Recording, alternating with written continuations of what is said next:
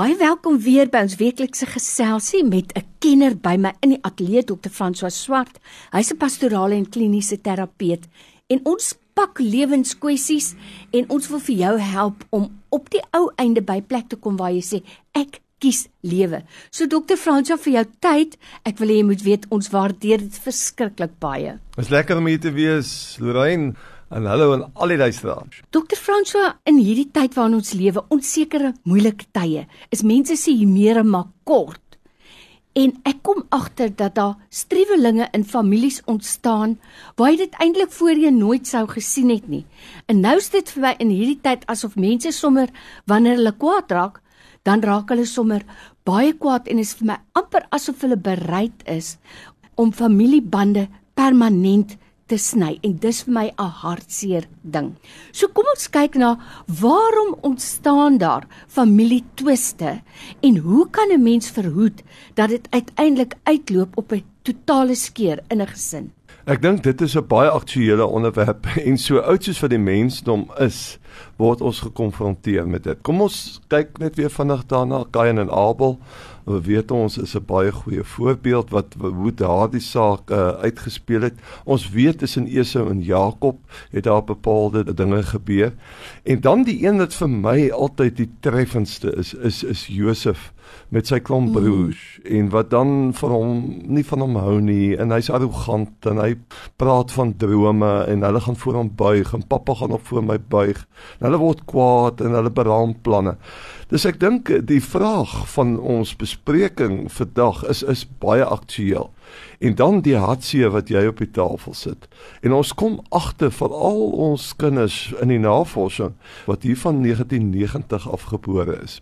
Baie maklik gebruik hulle hulle babas, kinders om oupas en oumas te straf. Ooh, dis verskriklik. Om as oupa of ouma nie doen wat ons moet miskien eendag praat oor wat is dit om 'n goeie oupa of 'n goeie mm. ouma te wees, maar as oupa en ouma nie doen wat jy wil hê hy of sy moet doen nie, dan sê ons net dood eenvoudig dan gaan jy nie weer jou kleinkind sien nie. Die hele gedagte van afsny. Ek ek wil jou nooit weer sien nie. Al is ons met bande van bloed. Dis disfunksioneel. Dit is in elk geval nie hoe gelowig is dit hanteer nie. En kom ons gaan kyk. Goed, Abel en Kain, uh, Abel is dood op die ou end en dit is sleg. Esau en Jakob met die mense ook die versoeningsverhaal gaan lees mm. en hoe hulle na jare weer tot verhaal gekom het en Jakob veral op 'n bepaalde manier uh, te werk gegaan het en hoe hulle mekaar op die end gevind het wat eintlik 'n wonderlike uitkoms is. En ek wil vir jou kom pleit, jy wat daar voor die radio sit jy sit nou al met 'n familielid wat jy 10 jaar laas meer kontak gehad het. Wil jy nie weer daaroor gaan dink nie? Wil jy nie weer daaroor gaan bid nie? En dan is daar praktiese goed. En as jy bang is om die persoon op 'n een, een tot een situasie te ontmoet, skryf vir hom a, of vir haar 'n briefie. Kyk of jy nie iemand wat jy weet hy in vertroue het, sy in vertroue het, kan saamneem met jou nie. En sê, weet jy, ek wil graag met jou versoen. Dit is vir my belangrik dat ek saam met jou 'n weg moet loop. En as jy dan nie iemand in die familiekring kan kry wat kan help met die proses nie, want konflikhantering verg bietjie uh, gespesialiseerde prosesse. Uh, 'n mens moet vir persone kans gee om te ventileer, om kwaad te wees, om te sê dis wat die implikasies was van dit wat jy gedoen het, wat jy gesê het. Dit is hoe seer jy my gemaak het. Uh, dit is waarmee ek nou sit. Dis goed om te praat oor jou eie emosionele beserings saam met die persoon. En dan as jy dit gehoor het, die groot woord wat ons gebruik is restituisie en dan verantwoordelikheid daarvoor te neem en te sê ek is jammer en dan saam 'n plan van aksie. Dis baie maklik, Lorraine, om te sê vergewe my. Ek is jammer. Maar dan hoe dit werk is daar moet gesit word en gesê word nou jy is nou jammer. Maar hoe gaan ons 'n ritme nou kry in die toekoms? In die toekoms om hmm. ons liefde, ons vriendskap sistematies weer te bou. En dit is baie prakties. Kom ons maak 'n reëling met mekaar. Eenmal 'n maand, die eerste maandag ontmoet ons by 'n koffieshop of 'n koffiewinkeltjie. En ons praat net oor die lewe. Maar dan moet 'n ritme kom waar ons gereeld mekaar opsoek en sommer net dan praat oor die lewe en hoe ons dit ervaar.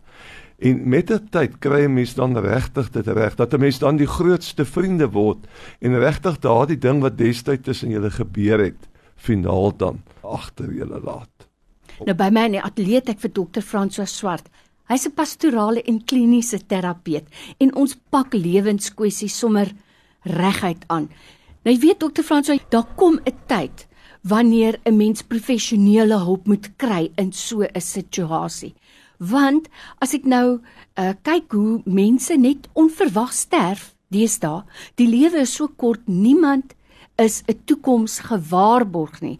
En 'n mens wil nie sit met spyt agterna nie. Maar 'n ander belangrike ding wat jy genoem het is dat baie keer word kinders gebruik as pionne om byvoorbeeld oumas en oupas te straf of waar 'n ma en 'n pa se paadjie skei, dan word die kinders weggevat van oumas en oupas af. Hoe benadeel dit 'n kind om daai liefde van 'n ouma of oupa op te gee? Wonder ek en dink ouers ooit daaraan? Dis verskriklik onbillik dat ons vir ons kinders uh in 'n situasie plaas as groot mense 21 en op dat ons jong kindertjies in 'n situasie sê dat hulle moet kies tussen 'n oupa mm, en 'n ouma mm. of tussen 'n ma en 'n mm. pa. Die kinders mag nie 'n speelbal word nie. Dan is jy regtig nie besig om soos iemand op te tree wat die Here Jesus se wil in jou lewe vir jou belangrik is nie en wat graag wil leef onder die leiding van die Heilige Gees nie. Ons word kwaad. Kom ons sê dit nou maar vir mekaar. Ons word kwaad. Konflik kom tussen ons. Ons sien dit in die gemeentes uh, met Paulus as hy skryf die Korintiese gemeente, die gemeente in Rome, ook in Efese, selfs tussen Petrus en Paulus was daar spanning. Mm. Barnabas. Konflik is nie noodwendig 'n negatiewe ding nie, maar dan moet dit op so 'n manier bestuur word.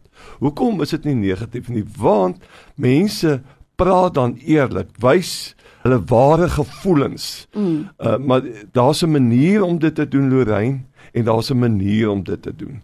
En uh, 'n mens kan jou pyn veral voordat jy dit loslaat op die persoon. Gaan skryf eers jou eie pyn neer op 'n stuk papier en dan met daai papier in jou hand gaan sê vir die persoon dis wat jou optrede aan my doen. En hier's my briefie. Lees dit. Kan ons dit nie asseblief weer gaan herbedink nie? En as ons sukkel, kan ons dit dan na iemand toe gaan wat vir ons kan help nie. Nou jy weet dokter Frans dat dis sulke praktiese raad en ek het dit die afgelope tyd self beleef waar daar baie oneenigheid was tussen 'n ma en dogters, almal volwasse mense. En my raad was juis ook dit, skryf eers 'n brief waarin jy sonder emosie jou gedagtes nou mooi een vir een neersit en vat dan jou suster saam en gaan en hulle het dit gedoen. Daar het wonderlike restituisie gekom, maar dit gaan nie in alle gevalle so werk nie, want wat as een persoon nie insig het in hulle optrede nie en nooit wil verantwoording aanvaar nie moet 'n mens dan uiteindelik maar by punt kom waar hy sê ek vergewe, maar ek besef ons gaan nooit weer warm vriende wees nie. Ten slotte net 'n gedagte daaroor. Belangrike gedagte en gelukkig help die Bybel vir ons ook mm. daarin. As Jesus by geleentheid die disippels 2-2 uitstuur, was 70 van hulle mense wat hy uitgestuur het om mense in huise te gaan besoek en om die evangelie te gaan verkondig. En dan as hulle op 'n sekere wyse hanteer word, het hy vir hulle gesê, dan moet hulle eenvoudig die stof van hulle voete afskud en en vir die mense sê die koninkryk van die Here het naby julle gekom. Mm. Daar kom 'n punt, maar dit met 'n ou in samewerking met 'n derde party ja. saam besluit. Mm. Dat weet jy ons het nou alles gesê en alles gedoen wat ons mo moet doen. Hier is glad nie kans vir versoening nie. Ons is nie kwaad vir die persoon nie, maar ons gaan nou aangaan met ons lewe. En dan in 'n sekere sin stof jy dan die stof van jou voete af. Altyd met die hoop, Lorraine, altyd met die gebed dat vorentoe aan mm. uh, daar tog wel sal versoening kom. Kom ons sluit af om te sê ons leef net in 'n tyd soos wat jy reg opgemerk het waar die dood so om elke hoek en draai mm. is. Dat 'n mens regtig vir jouself moet sê, almal met wie ek nie lekker oor die weg kom nie, kan ek nie dit maar gaan uitsorteer nie Want die lewe is tog so kort. Ons almal besef dit. Sjoe. Wyse woorde en regtig iets om oor na te dink. Dr. François Swart kliniese en pastorale terapeut en ons sê vandag vir jou tyd weer baie dankie. Ons waardeer dit. Dankie Lorraine en saam met die luisteraars kom ons kies regtig vir die lewe.